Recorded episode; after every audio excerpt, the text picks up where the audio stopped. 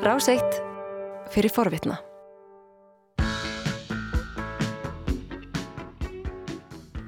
Hæ þú, ég frétti að þið langaði að heyra fleiri ástarsögur, svo hér er smá aukaefni. Þessi saga er upprunnulega úr þáttunum sögur af landi. Þó þetta sé, Guðamul saga, sögð frá sjónarhóli sagfræðinar, er áhugavert að velta henni fyrir sér í samhengi við samtíman.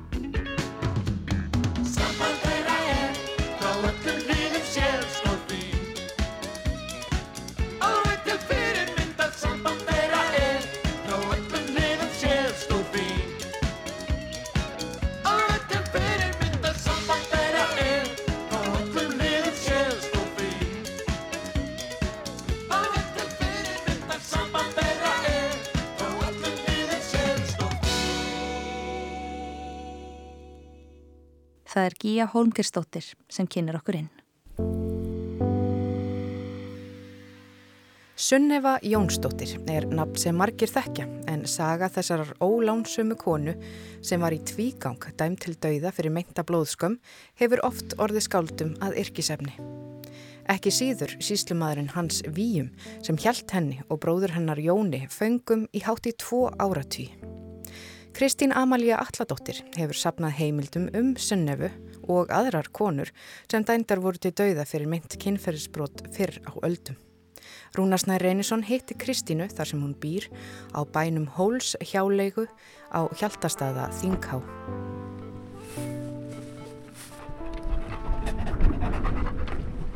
Góðan daginn. Góðan daginn, velkomin. Takk fyrir það. Það er gaman að koma til hérna í hólsjáleguna. Já. Hérna ertu búin að vera að breyta gömlum bæ í, í, mannabústæði eða hvað? Já, þetta er að verða mannabústæður. Þetta var eðibíli, búið að vera í eði í 35 ár og er agnarlítið en er byggt, mjög vel byggt úr steini. Þannig ég má eiginlega segja að ég hafi keift hérna mjög góða veggi. Og hérna ertu búin að vera að grúska í ákveðinu málum fortíðar Já. og sögu kvenna sem að upplýðu mikil örlög og mikil misrétti. Já, það hérna, þegar maður er einn svona út í sveit og, og bara í myrkrinu, að þá ámaða stundu til að fara að delera svolítið. En það var sem sagt þegar að, að MeToo-byltingin kom hérna 2018, þá satt ég hér einn og var að velta vengum. Og eina af þeim hugsunni sem spratt upp í kollinum var sko örlög formaðuranna. Ég held að allir í dag eigi formaður sem eiga einhverjar örlaga og jáfnvel ofbeldisögur. Og ég, ég fór að hugsa með mér líka því ég á mjög sterkar tenginga við, við hérna móðurömmu mína sem að það var nú reynda dáin því ég fættist það var mikið baratu kona fyrir réttundum hverna og, og verkalýsins reyndar alls. Hvort að þetta væri svo dásamlegt að maður gæti með einhverjum hætti, ég veit ekki, að þar fengjum einhverjum hætti að upplifa þessa breytinga sem eru að verða. Ég var svo bjart sín þá. En það hefur nú svona ekkert alltaf mikið gerst í millitíðinni.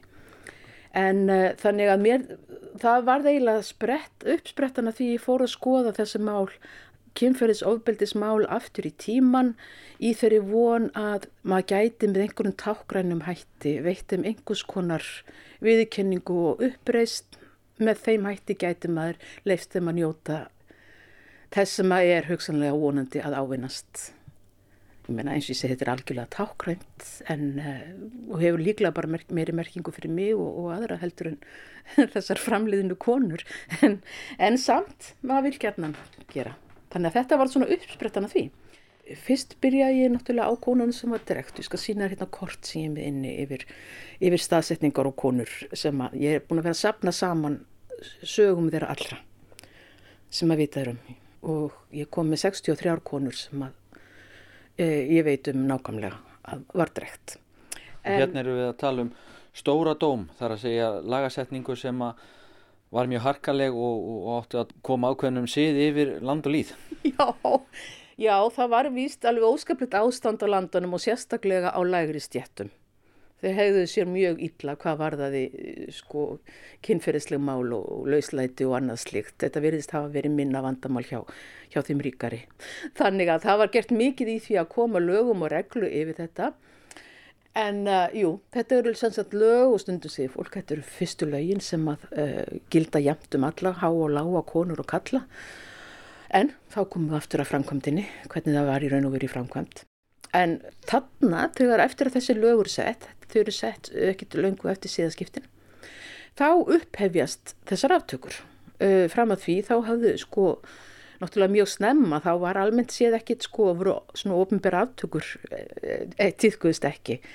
En gerðu það oftar þegar áleið en þá var það náttúrulega fyrir alveglega glæpi, morð og þjófnað endur tekinn þjófnað og svona. En þarna eftir síðaskiptin og eftir að stóru dómur er settur þá er farað að refsa fyrir þessi brott það er að segja, það er annars vegar blóðskammar brott og hins vegar hórdum og frillilífi Svo er sko annar flokkur sem er dulsmálinn, það er þegar að kona gengur með barn í leini og dilur fæðingu þess og náttúrulega kemur barninu fyrir að lókum. Það er náttúrulega morð, það flokkast náttúrulega sem morð en er yfirleitt nátengt þessu og það eru með örfáum undan tekningum, ætlaði að sé ekki kannski svona fjórar, fimm aðra konur sem hafa verið líflætnar í Íslandi, e, þá er, eru það minnst okkusti þessar 63 ár ef ekki fleiri sem voru hérna líflætnar fyrir annarkvort dulsmál eða, eða blóðskamabrott. Megin þorri þeirra hverna sem hafa verið teknar lífi í Íslandi voru fyrir kynferðisbrott. Og þannig eru við að tala um konur sem eru í, sumum tilökum hreinlega fórnalömb og eru uh, mögulega dregnar inn í þessi brott og það er ekki til neittna mildunar það ofbeldi sem þær eruðu fyrir. Stundum stundum, það kom fyrir. Þetta verið svona stundum hafa verið svolítið sko uh, bara hvernig lág á mönnum. Og þú aðalega konginum í kaupmarumna hans guðfræðingum uh, þannig það kom fyrir að ef að stúlkur voru mjög ungar og það var þótti alveg sínt að það hefði verið nögun þá, þá gat það verið mildað. Þetta stafar allt saman ekki af refsigleði. Menn eru að reyna að framfylgja lögunum. Það er hverki virðist hverki að sjá nema kannski hjá einstaka eins og hérna, Þorlefi Kortsin eða einhver, einhver svona refsigleði og í hans tilfelli sjúklega refsigleði. Menn voru alveg opni fyrir því að horfa til þess að það væri einhvers konar eitthvað sem að gat milda dóma en í grunninn er það samt sem áður það ef þú hugsaði til þess að, að uh, ég myndi segja tvær, ein eða tvær af þessum 63 konu sem ég er að vinna með, þær voru vinnustúlkur. Og uh, það var bara einfallega, líf þeirra var ekkert gríðarlega mikil smetið og þetta þótti ekki glæpur.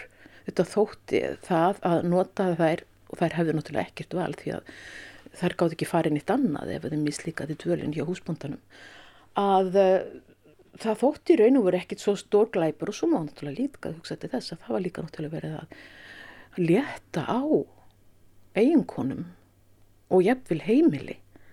Það er eins og fólk hafi ekki litið svo á að börn sem voru fætt af vinnukonum voru kannski bóndan, væru beinlinni skilda bóndan sem framfæra. Hann þurfti bara að framfæra sínu börnum. Þannig að sko maður sér dæmi þar sem að mjög líklega eiginkonurna taka þáttu og eru samtekar þessu bara til þess að komið vekk fyrir að þær alveg fleiri börn vegna þess að ómerðin er svo mikil og, og fátöktinn sko. Þannig að þetta er, þetta er svo margliða þannig að hérna, en við ætluðum að ræða Anna Sunnefu og hennar málsóldið. Emmitt, hún hefur nú verið á milli tannan á fólki getur við sagt, hún hefur verið eins konar skáltsagna persóna í, í sömum tilbyggum og hefur verið saman um hana leikrit og, og og jáfnveil kvæði eða hvað? Jú, jú, það hafa verið kvæði, það var, uh, var Þorstedt Gilvason samti um hana kvæði og, og síðan hérna fólk, ég held að Eirikur Kjærúf, nei, eða Jörgen Kjærúf mm. og fleiri og síðan hafa verið saman tvö leikrit núna um hana.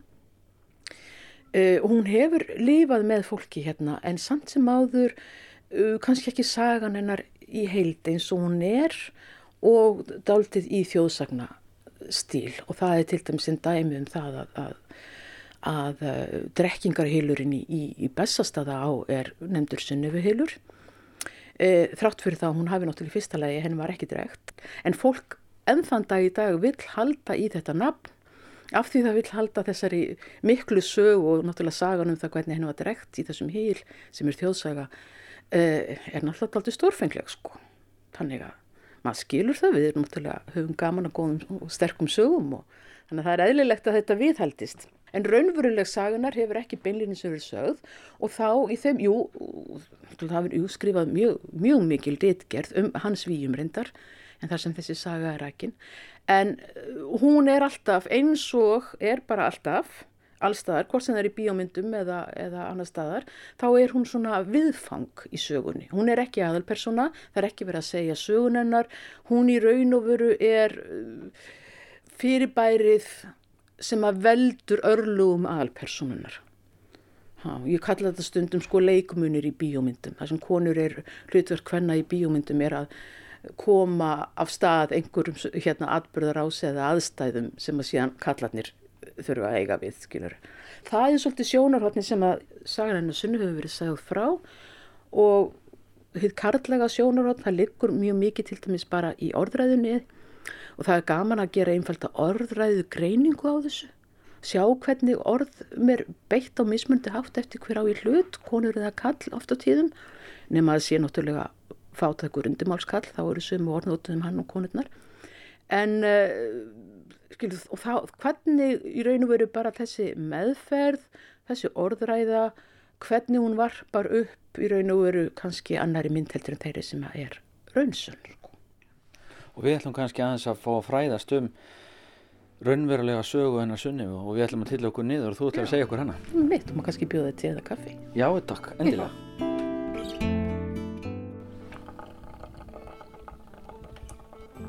Hver var Sunnema? Sunneva, þetta er nú hérna, sko við byrjuðum að taka það fram, sko Sunneva er eiginlega svolítið hliðasaga við drekningasugurnar vegna þess að hún hlaut ekki þessu örlög. En það munaði ekki miklu og þannig að hennar saga er ekki beinlinist drekningasaga en hún er náttúrulega alveg gríðarlega mikil og laung og átakanleg í sjálfu sér. Uh, og er bara efni í sko, eina af þessum stóru sko, sögum Íslandssögunar sem á að lifa með fólki. Þetta er svo mikil saga.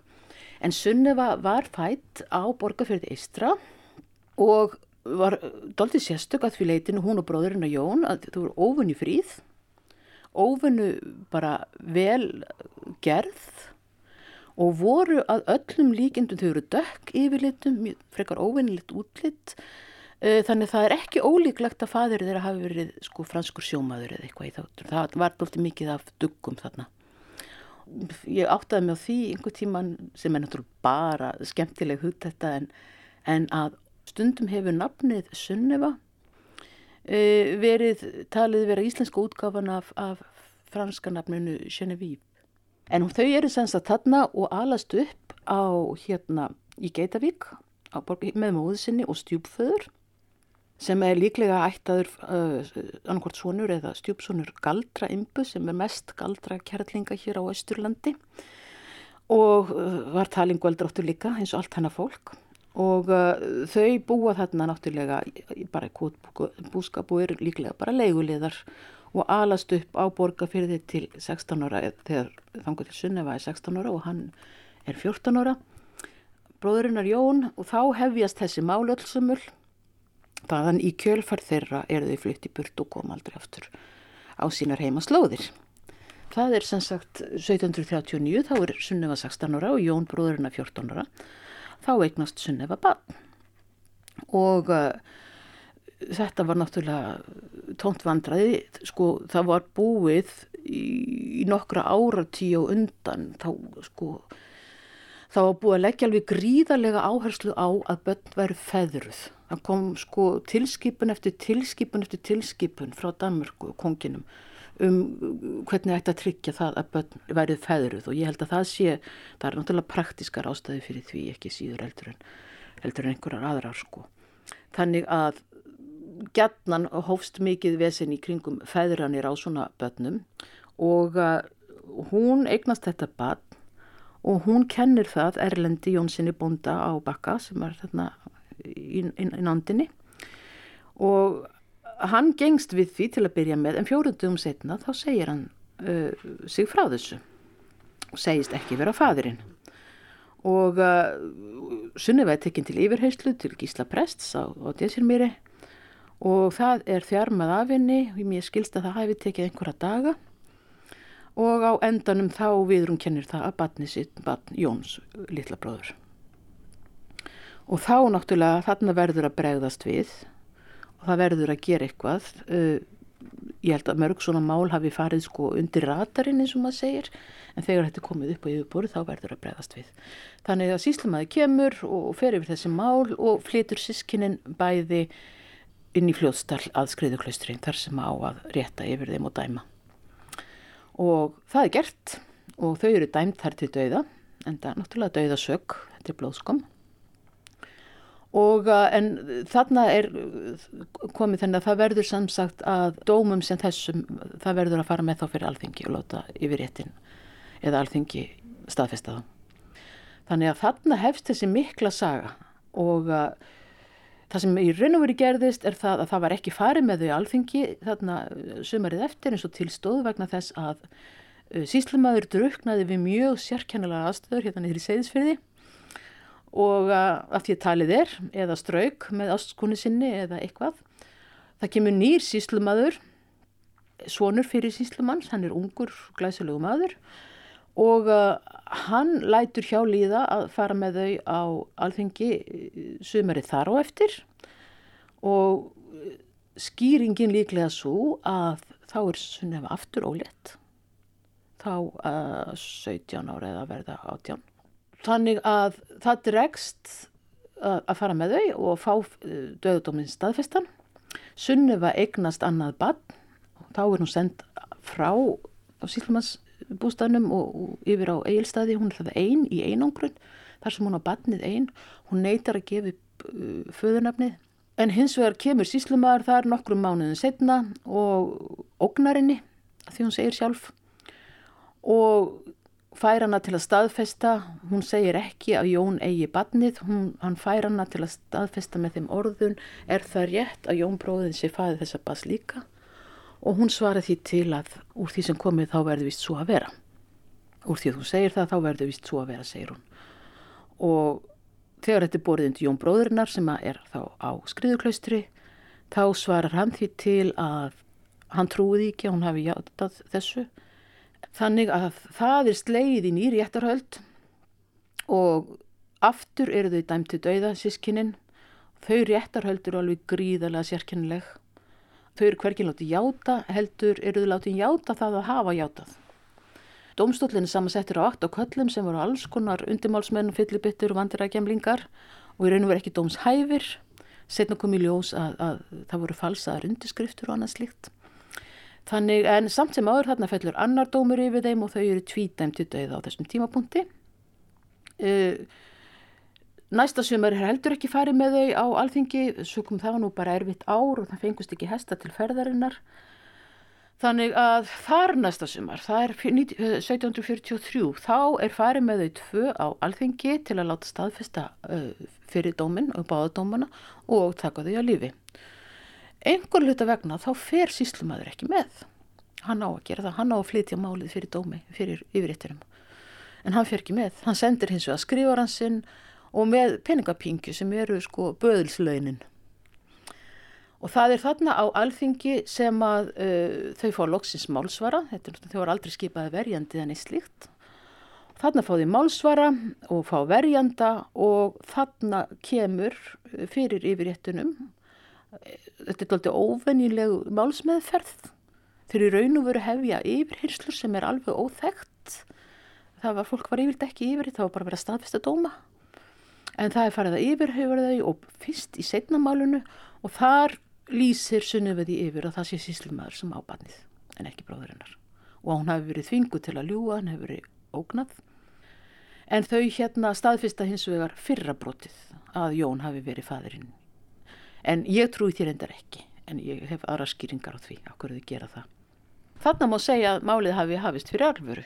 Þannig eru liðin sko trjú eða fjóra áfráð því að þau eru fyrst tekinn En nú fer sem sagt fara alls konar embættismenn að sinna málinu, þau eru sendið sér ykkur áttina, kom ekki aftur hingað austur strax og við taka dómsmál og afskipti ríkisvaldsins af þessu og ekki síst af sko embættisfærslum síslumans sem eru mjög vafasamar öllum stigum málsins og ekki síður það að hann mæti ekki þarna á þingið.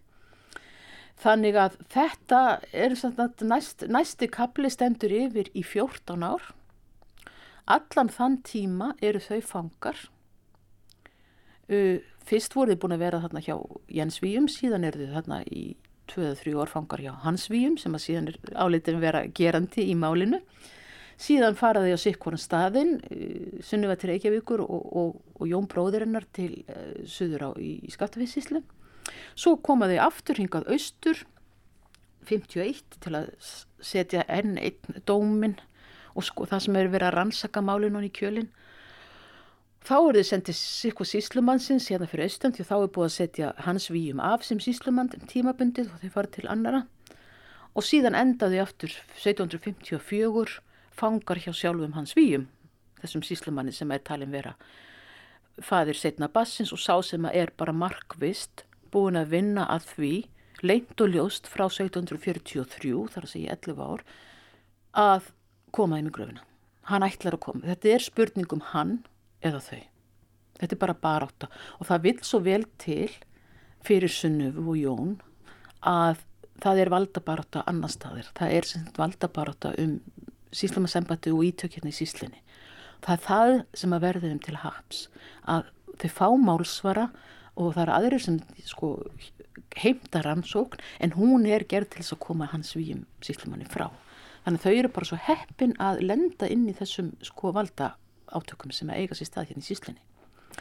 Þannig að seinustu árin og þá færist stöðut meiri að harka í þessi málöldsömmur, það er verið að sverja eiða og og hitt og þetta en þau eru fangar hjá þessum kvalara sínum síðustu árin og uh, undirlokin 1756 þá er sko hans výjum fengt búin að fá aftur sitt vinnir hans í Danmörku voru búin að fara með málið hans fyrir hæstarétt í Danmörku og hann var búin að fá síslumasembatið aftur og fá að sverja eið fyrir batnið en sko dómarar bæði hérna í sveitum hérna fyrir norðan og, og hér að sréttum þeir voru allir á það trúði aldrei neitt hans výjum og uh, fannst þetta allt í raun og vera hálf fyndið að hann skildi vera búið að setja hann aftur í ennbætti hann skildi vera síkna þegar allir vissan væri sekur.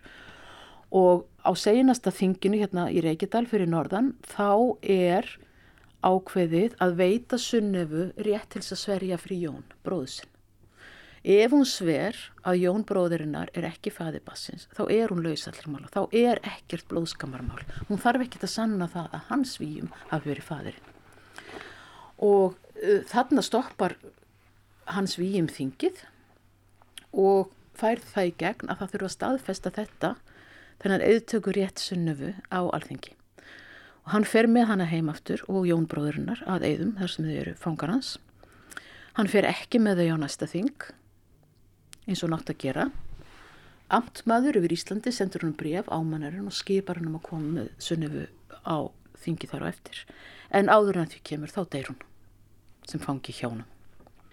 Þannig að eh, ef hún hefði komist á þingið og svarið þá hefði hún og Jón bróðurinnar orðið frjálsa manneskjur eftir 19 ár.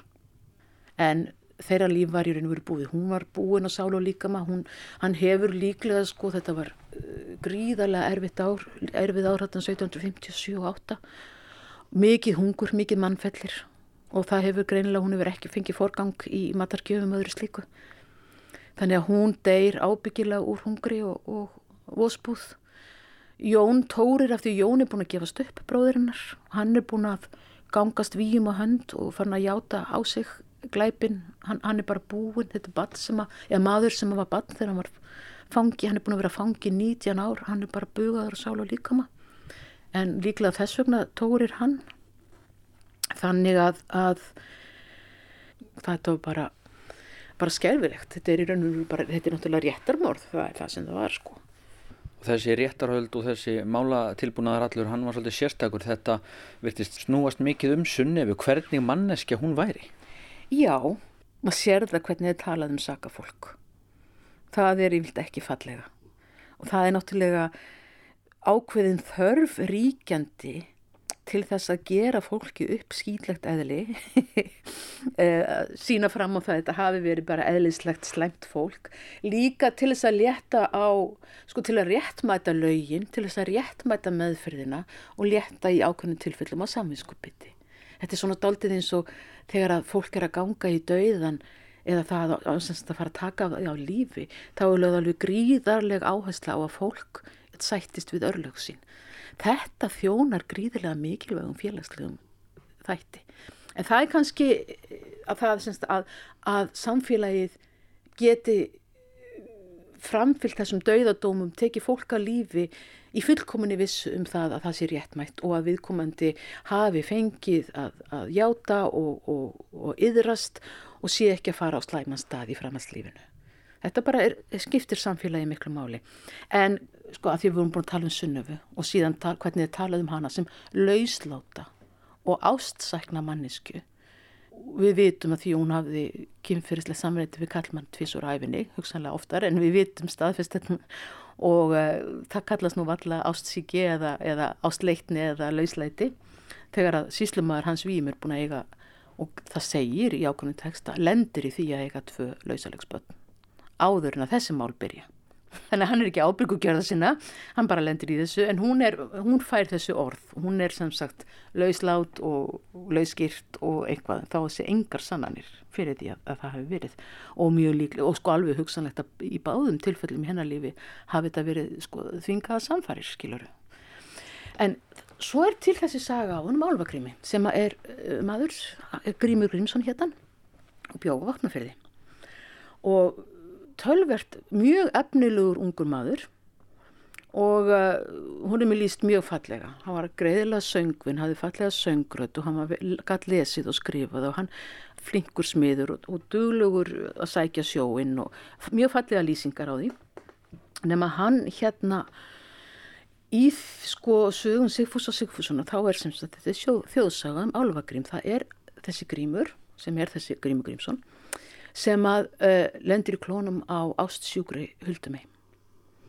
Og hún, hann er 15 ára gammal þegar hann tekur upp það samband við Huldumeina. En svo setna mér þá renna hann tvær grímur og hann hættir við. Og hún verður svona sárasvegt að hún leggur á hann bölfun svo sem var svo stúrin yfir þessum sambandsslitum konu verða gett hann svolítið stúrnar þá eins og nú yfir sambandsslitum mm -hmm. og hérna leggur á hann álög mm -hmm. að semst honum mun ekki ganga neitt í hægin og það munu öll hans vandraði munu snúa á konum. Heiðu, viti menn, bara frá þessum degi þá er hann í stöðum hvenna vandraðum hann byrjar á því að batna ykkur á konur hingaðu þangað, hann á tvö börn í frillu lífi sem sagt. Og lögin er náttúrulega ströng og það er mikla sektir við þessu. Hann hérna síðan giftir hann sig og fer náttúrulega að halda fram hjá, hann eignast í kjölfarið þrjú ef ekki fjögur hórdómsbönn og það er náttúrulega þannig að við svona hórdómsbrotum liggur er dauðasökk. Þannig hann er réttilega sko dauðasökkur. Eh, eitt af bönnunum, það var álitið að hann og, og hérna stúlkan sem hann átti batnið með hefðu drefið batnið sem er önnur dauðasök. Það mál fórrindar fyrir alþingi og fyrir yfirréttin og það þvældist í réttakerfinu en komst einhvern veginn engin botni í það. Hann held áfram að eiga börn með konum, fjekklokksinn skilnað og eignaðist, þannig að ég held hvort hann átti allt í allt fimm börn uh, fram hjá eiginkonu sinni. Uh, margítrekkar dauðasakir. En svo vil svo til að sko álög huldukonunar þau átt að vara í 15 ár.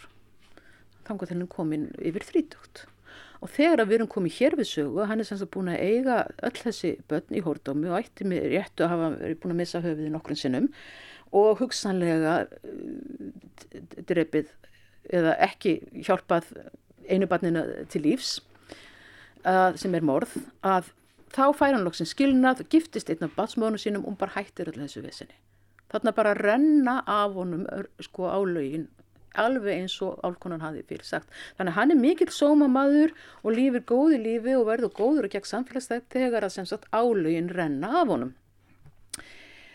Og sko þessi saga verður náttúrulega til eftir á og mér finnst svo stórkoslegt hvernig, af því að nú vitum við að, að þessar þjóðsögur eru þjóðsögur og oft held ég að sé nú ímislegt uh, svona í þeim þær segja manni eiginlega meira bara um samfélagið sem að sögurnar verða til í heldur en sko raunverulega sögurnar. Þannig að þetta finnst mér svo stórkvæslega skemmtileg saga að því leiti þarna sjáum við ekkit svo laungu eftir sunnumálin hvernig samfélagið af því að þetta er drengur af hann er á góðu bóndafólki komin og verður síðan góður og gegn samfélagsþegn hvernig þörfin á að búa til þessar skýringar á hegðunans og að því við trúum nú ekki beinlinis á álvakonur og, þeirra, og þessi álög.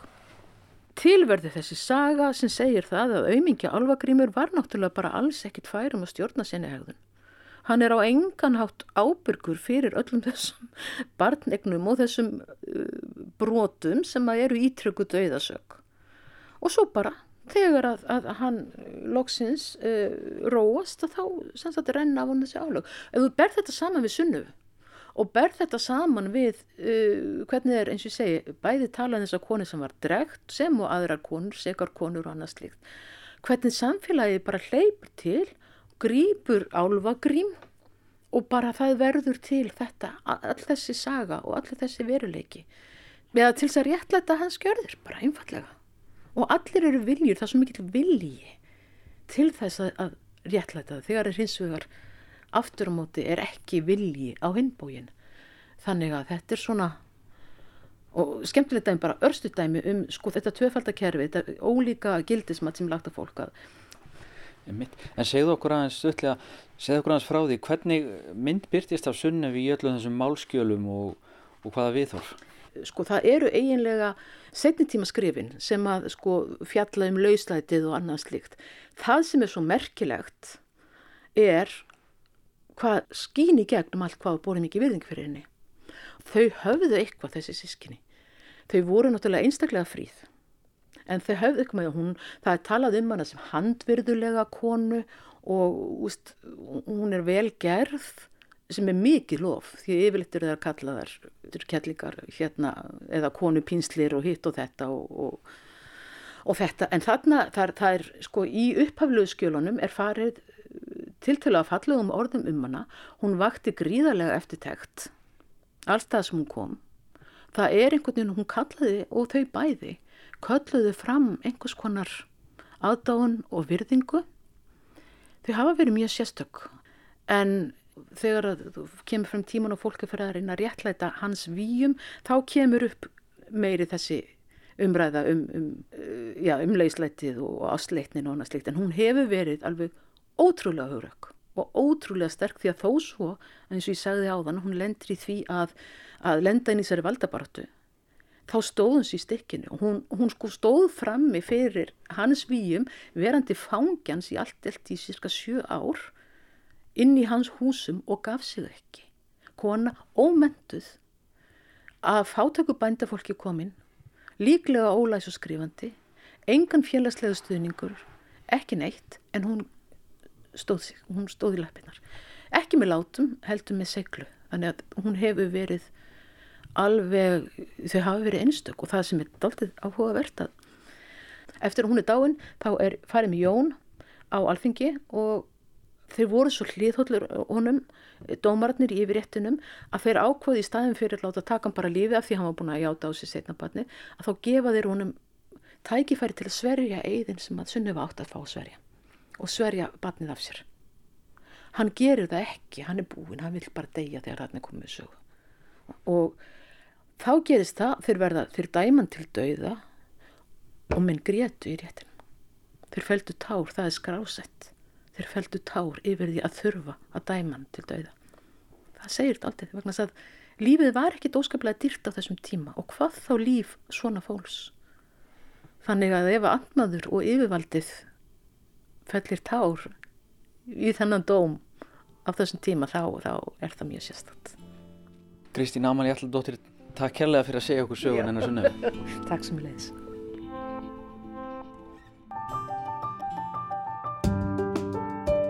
Þú varst að hlusta á hlaðvarpsþátt frá Rás 1. Ef þið langar til að heyra meira, farðu þá á rúf.is skástrygg hlaðvarp eða spilaran á rúf.is skástrygg útvarp. Rás 1 fyrir forvitna.